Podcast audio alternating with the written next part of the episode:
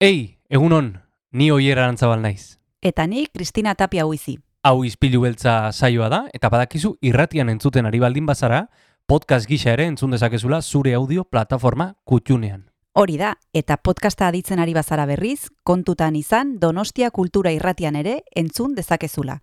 FM eundazazpi puntu lau frekuentzian. Sare sozialetan ere topatuko gaituzu noski, izpilu beltza bilatuta, Instagram, Facebook eta Twitterren. Besterik gabe, guazen gaurko saioarekin. Az gaitezen,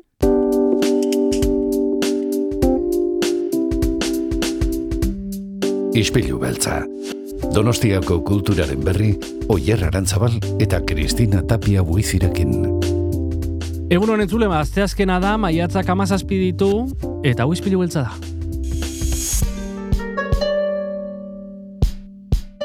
Izpilu beltza martxan jartzeragoa, segun hon, Kristina? egun oier, zer moduz?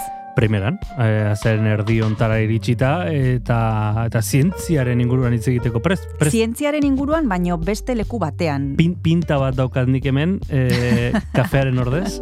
bueno, orduan fuerte hasi duzu eguna. Bai, baina da, da Guinnessa, eh? kafearen antza dauka. Ah, bueno, Beltza vale, da. vale, vale. Orduan barkatuta zaude. Bueno, eh, Bai, Pint of Science da zortzigarren aldiz egingo duten eh, proiektua Donostian eta aurten lehenbiziko aldiz errenterian ere, eta hainbat tabernatan, maiatzaren hogeita bian, hogeita iroan eta hogeita lauan, egongo dira zientzialariak oier, hitz egiten matematikei buruz, e, minbiziari buruz, immunoterapiari buruz, hainbat e, gai jorratuko dituzte, esan bezala, tabernetan, beraz nik uste dut oso polita dela, e, jakiteko zer lan egiten duten zientzialari hauek normalean laborategietan egoten Hmm. direnak eta kasu hontan tabernetara hurbilduko zaizkigulako. dudari gabe, eta gainera tabernetan ez da bakarrik futbola hitz egiten, edo edo gai mundano ez hitz egiten. E, tabernetan hitz egiten dugu gauza askoren inguruan. Tartean, zientziaren inguruan ere, Bai. gaur ikusiko dugun bezala. Xe, Asier errastiri pasako diogu testigua? Hori da, hasier errastiren baimenarekin joango gara gaurko izpilu beltzara hasiera ematera.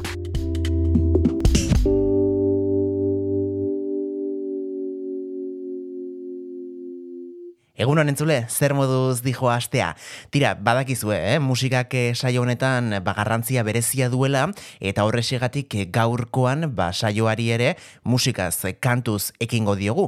Eta horretarako bizkaira joan behar gara, lekeiti orain zuzen, eh, bertakoak direlako makonak eh, taldeko musikariak. Beno, tira, badakigu, donostiarren bat ere badela hortik infiltratua, baina, ez, baina gehienak legeitierrak dira, eta guk eh, gaurkoan aukeratu duguna, behintzat eh, guri asko gustatzen zegun kantua da. Hau da makonak taldearen zure garaiak. Egunon.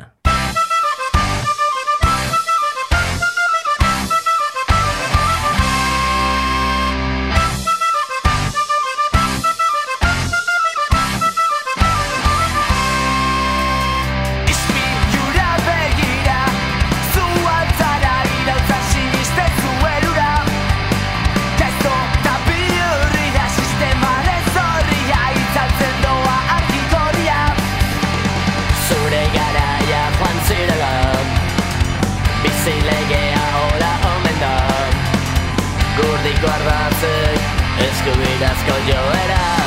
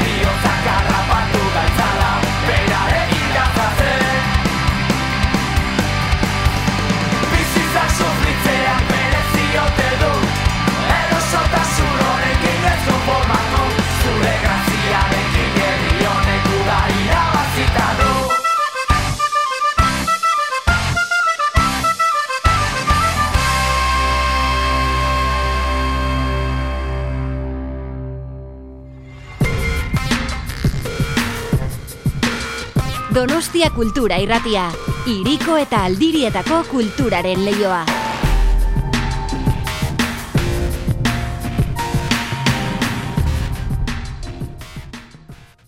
Gaur zientziari buruz hitz egingo dugu Donostia Kultura Irratian Paint of Science proiektuaren inguruan hain zuzen ere, maiatzaren hogeita bian, hogeita iruan eta hogeita lauan ospatuko da Donostian eta Errenterian, eta guk eh, Paula Vázquez zik biomaguneko doktore gaia gonbidatu dugu izpilu beltzara honen inguruan aritzeko.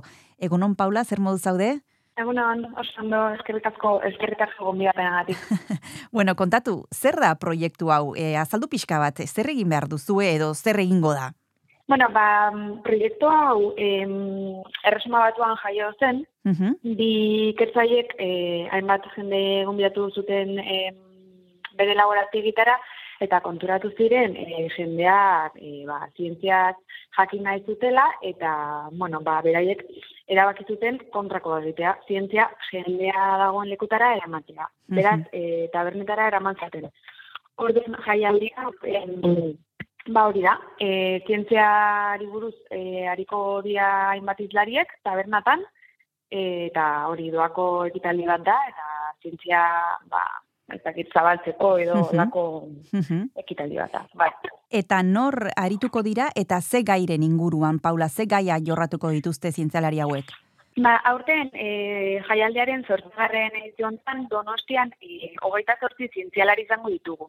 Hogeita lau hitzalditan antolatuta daude, beraz batzuk elkarrekin emango dute, eta gaiak oso oso anitzak dira. Mhm. E, adibidez, neurio, neurozientzia, e, astrofisika, medikuntza, historia, matematika, e, ekonomia, eta, eta bueno, a ber, bi adibide emateko, ba, adibidez, e, Jordi Jok izango dugu, Motordun nanomedikuntzari buruz hitz egiten, eta hande ritzeta, e, terapia aurreratu buruz, edo zelula kantzerigeno turleroi hoiei nola aurre egin. Hmm. Eta zuk aizaldu dituzunean hemen e, gaiak, e, nanozientzia, inmunoterapia, matematika, batzuek pentsatu aldute, bueno, hau adituentzat izango da, zenik eh, gai hoien inguruan ez dakite zer, e, hitz teknikoak erabiliko dituzte, bueno, kontatu pixka bat, nola dagoen eh, antolatuta e, jendea hurbiltzeko, ze, e, klaro, helburua da jendea arrunta hurbiltzea zientziara, baina orduan zientzia kontatuta egongo da modu batera, ez? Bai, hori da. E, jaialde hau e, jende horretarako pres dago. Hau da, e, hitz teknikoak eta ez dira erabiliko eta erabiltzen badira azalduko dira. Mhm. Berez, em, zuzeneko esperimentuak egiten ditugu, Ah. eh, erakustaldi batzuk, Mhm. bai, bakarrizketak ere, eta naiz eta bakarrizketa horiek zientifikoak izan, hizkuntza eh, erraza da. Eta ikuskizunak ere egon dira, proiektzio batzuk, edo nor etorri daiteke eta egon hor ulertezan bai. Tartetxo bat hartu behar dugu, e, zientziari buruz e, hitz egiten jarraitu baino lehen, e, Paula Bazkez daukagu gaur telefonoaren beste aldean hasieran esan dugun bezala, e, tartetxoa hartu ondoren jarraituko dugu berarekin hitz egiten.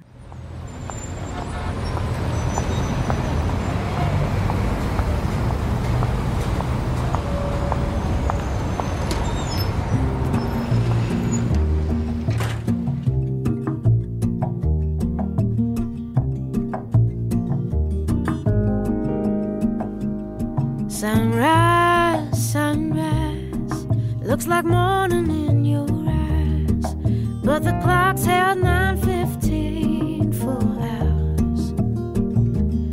Sunrise, sunrise, couldn't tempt us if it tried, 'cause the afternoon's already come and gone.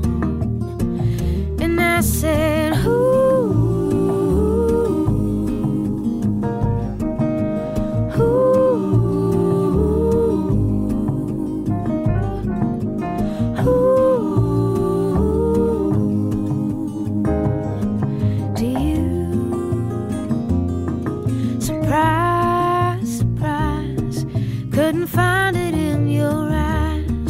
But I'm sure it's written all over my face. Surprise, surprise, never something I could hide. When I see we made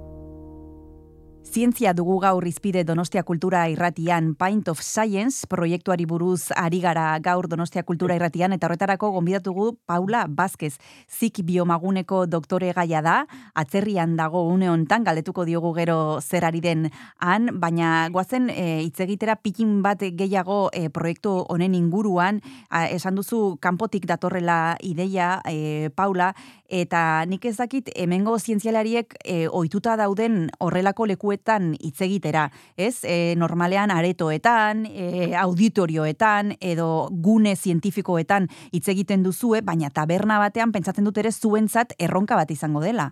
Bai, e, e, arrazia duzu, esan, e, guretzat hau, ariketa oso ona da, Hmm. ze ikasi behar dugu nola komunikatu hau baita ere, orduan. Hmm.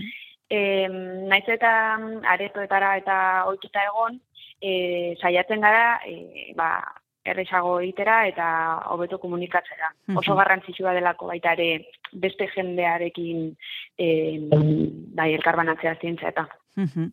Eta zuek kontziente zarete honek e, ze garrantzia duen, ze batzuetan hitz egiten dugu zientziaren garrantziaz, e, zientifikoek egiten duzuen lanari buruz, ze lorpen e, lortzen dituzuen, baina gero, e, hori hor gelditzen da e, zuen mundu horretan, baino gero batzuetan e, falta dena da hori divulgatzea, ez? Eta zientziak e, badu atal bat e, divulgazioa eta nik ezakit e, denok dakizuen zein garrantzia duen e, guretzat jende arruntarentzat zuek ongi esplikatzea e, egiten dituzuen gauzak egiten duzuen lana. Bai, e, egia da, gu, gu kaldugun oberen saiatzen garela divulgazio hori egiten, baina asko ikasi behar, asko ikasi behar dugu oraindik, eta lan asko dago natzean, baina egia da, em, gero eta jende gehiago animatzen dela, divulgazio egitera, eta egia da oso berazgarria dela e, jende arruntarekin em,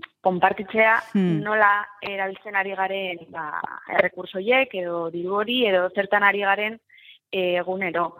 Ze batzutan, ba, bai, zientzialaria ikusten da hor laborategian, baino bai, pertsona normala gara eta gure lana konpartitzea eta elkarbanatzea eta zabaltzea ba, gustatzen zaigu baita ere. Mhm. Bai. Esan duzu hasieran Paula, e, edizionek zortzigarrena e, izango duela aurten, eta nik ezakit orain arteko esperientzia nolakoa izan den. Ezer esaten dizu e, jendeak e, bukatzen duzuenean hurbiltzen zaizu, ez nolako esperientzia izan da orain arte?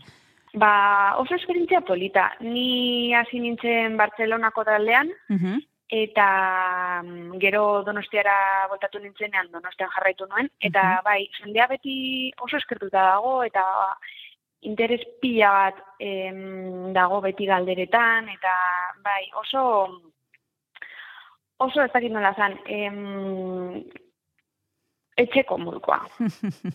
Oso gustatzen dago jendea, bai, eta ez da, osea, igualak gara, orduan galderak ez dira oso ba, zientzialariari, ez? Osea, Mhm. pertsona bati, ja. Eta, bai, oso, oso esperientzia Mhm. berazgarria da. Esperientzia berazgarria, zu Bartzelonan hasi zinen, gero Donostian e, parte hartu izan duzu. E, zer izan da zuretzako zailena, Paula? E, lehenbizikoan e, zer gogoratzen duzu e, gehien kostatu zitzaizuna, jende aurrean hitz egitea, areto horretan taberna batean e, hitz egitea, e, zer kostatu zitzaizun gehien? Ba, zailena, niretzat behintzat, da e, jaialdiaren baino lehen dagoen lan guztia. Ah. Osea, italdiak prestatzea, Hmm. bai, bai, hori, Vamos, baino, bai, em, nik uste hori da zailena, dena ondo antolatu, eh, Hmm. mundu guztiarekin hitz egin, dena lotu, eta, bai, prestegon edo zer gertatu etxatan daitekelako, eta, bai, baino, bestea, da, ondo. Eta gero, behin ikusita nola, nola gertatzen den dena, eta ikusita e, gustatzen zaizula esperientzia hau, e, Paula, zer da e, zuri gehien erakartzen zaituena? E, zer da zuri gehien gustatzen zaizuna? E, divulgazioari buruz, Bai, edo... proiektu hontan Bai. e, parte hartu duzunean, zer gustatu zaizu gehien? Bai. Ba, ni konturatu nintzen, e, lagunekin eta galdetzen zidanean, zidatenean, e, zertan ari zara, edo zer da zure ikerketa, nik kontatzen niela, eta gustatzen zitzaien, or, edo, orduan Hmm. izan nuen, zergatik ez, Hmm. gauza bera egin, baino, ba, publiko zabalagoari, ez? Eta Mhm. hori da niretzat garrantzitsuena, bai. Mhm. Bueno, Paula Bazkezekin ari gara hitz egiten gaur zientziari buruz, Pint of Science proiektuaren inguruan hain zuzen ere, badekizue maiatzaren hogeita bian, hogeita iruan eta hogeita lauan ospatuko dela zortzigarren aldiz Donostian eta Errenteriako hainbat tabernetan, webgunean daukazue informazio guztia, segituan jarraituko dugu berarekin hitz egiten zientziari buruz, baino bigarren eta azken tartetxo hartuko dugu eta oraintxe bertan itzuliko gara.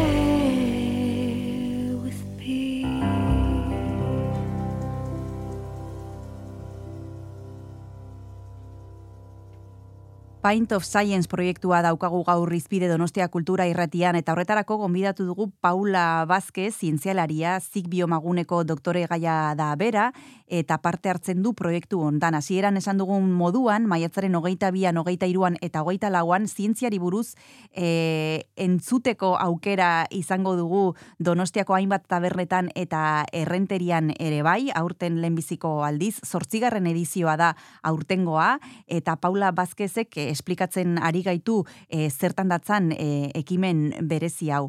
E, nik ezakit zarata asko egoten den e, tabernetan jendeak isiltasuna mantentzen duen, Paula?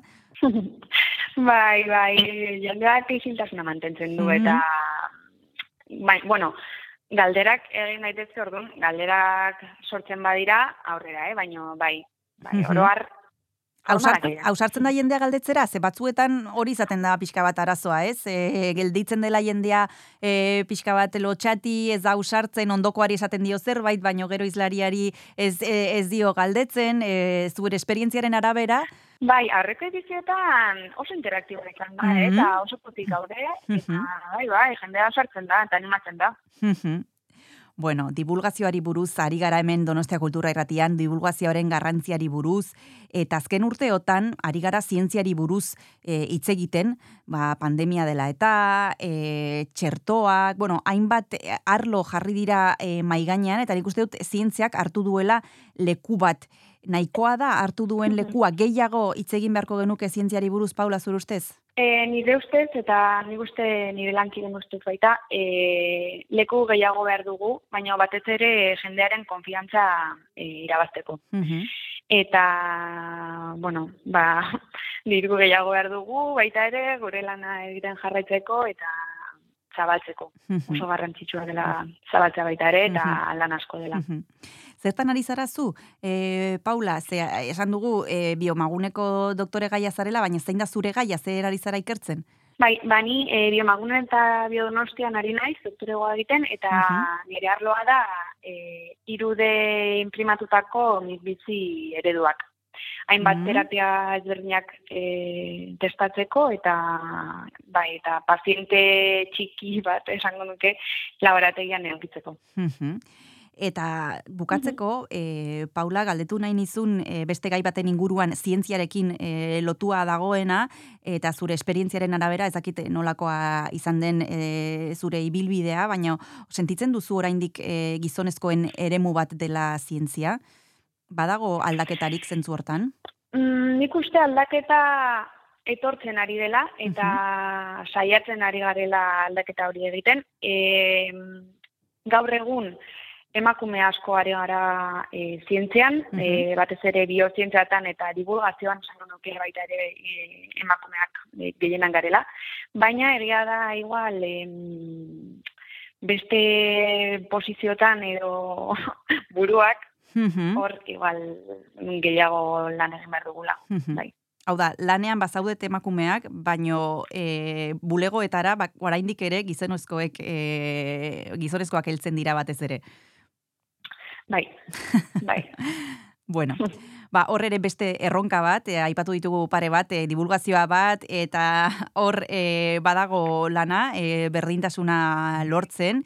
Esan bezala, e, guk proposatibu behar diegu entzulei nahi izan ez gero, eta ahal izan ez gero, e, Donostiako eta Errenteriako hainbat tabernetan zientziari buruz e, entzuteko aukera izango dutela, Pint of Science ple, proiektuari esker. Esan bezala maiatzaren hogeita bian, hogeita iruan eta hogeita lauan izango da. Webgunean daukatzue informazio guzia, bai ordutegia, bai programa zein den, bai zientzialariak zein izango diren. Eskerrik asko, Paula Izpilu beltzara urbiltzeagatik, besarka bat eta zorte on zure ibilbidean. Bai, eskerrik asko zuei eta gure babeslei baita ere lan hau posiblea delako berai esker. Mila Eskerrik esker, urrengo arte agur. Agur.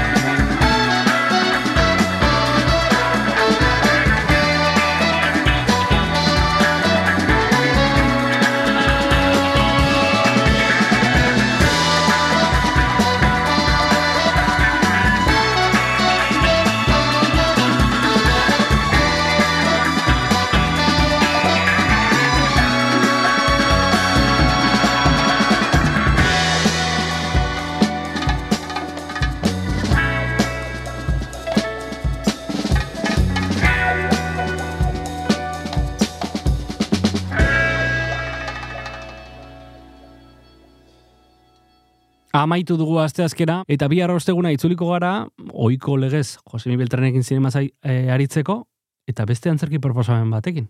Bai, alderrai izena du gure proposamena, gure proposamena eta tartean trea, teatroarena, eta horretarako gombiatuko dugu bihar patxo telleria zuzendaria da, idazlea da, e, uste dut ez dala inoiz pasa izpilu beltzatik, e, buruak ez badit e, fallatzen, eta lugaritzen ikusteko aukera izango dugu, biegun jarraian, maiatzaren hogeita zeian eta hogeita zazpian, esan bezala bihar zinema eta antzerkia izango ditugu izpide. Hori da, Josemi Beltran eta Patxo Telleria, bi personaje mitiko izango Mhm. dugu. Eh?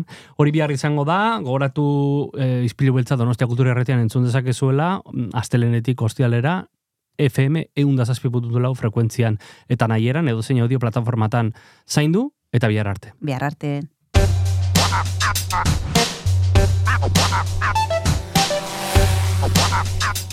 Donostia Kultura Irratia. Zabaldu gurekin Donostialdeko kulturaren leioa.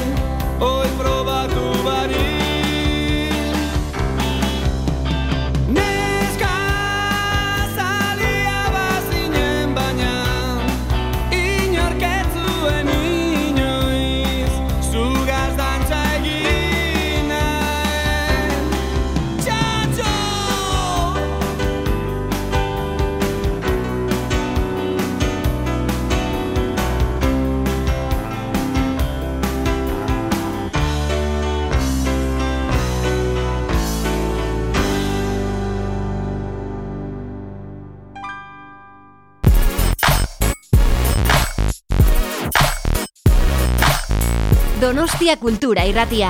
Iriko eta aldirietako kulturaren leioa.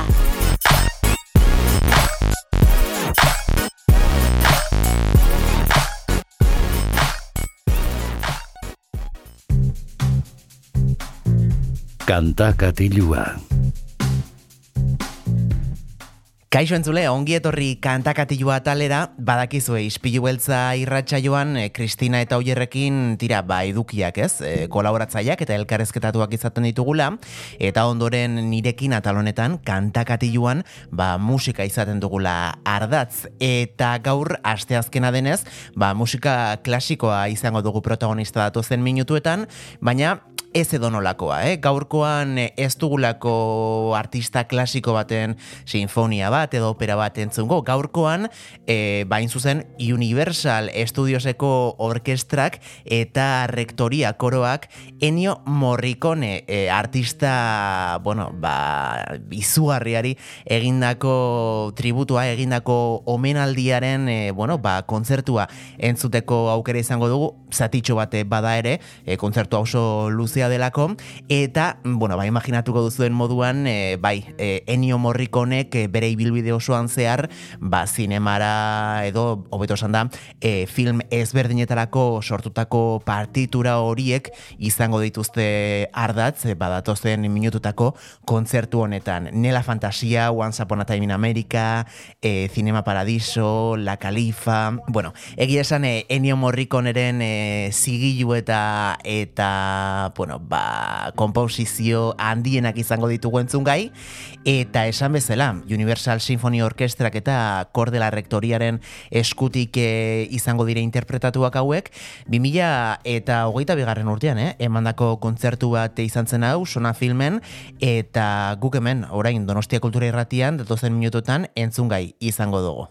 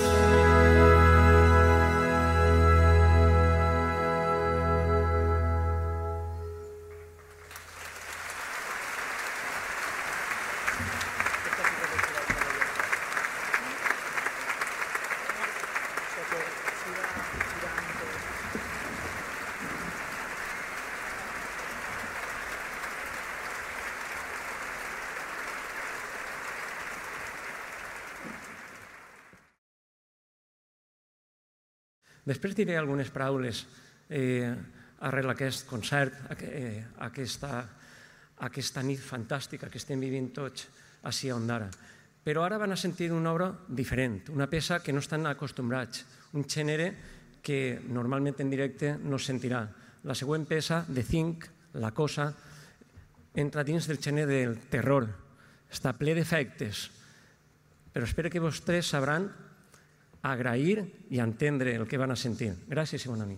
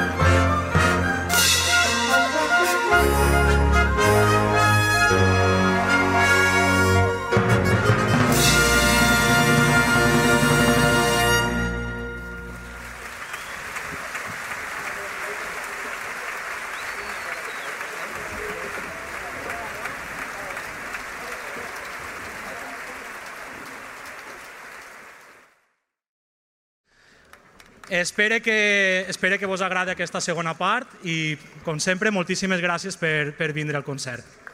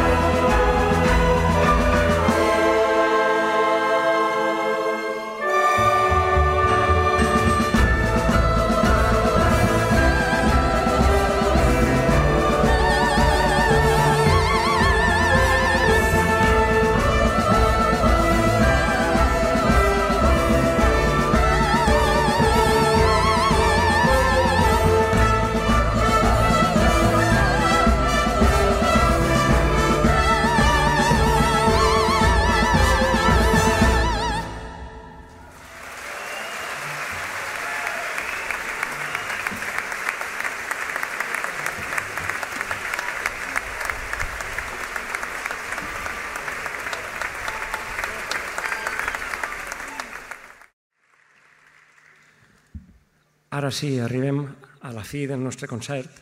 Anem a interpretar per a nosaltres l'obra culmine, l'obra per entitat que tots coneguem, però no sols una part, sinó que anem a fer, anem a interpretar tota la suite de la missió. Espero que vosaltres, tots vosaltres, tots vostès, puguen disfrutar-la, gaudir-la, com nosaltres anem a fer en aquests moments. Gràcies per estar així i bona nit.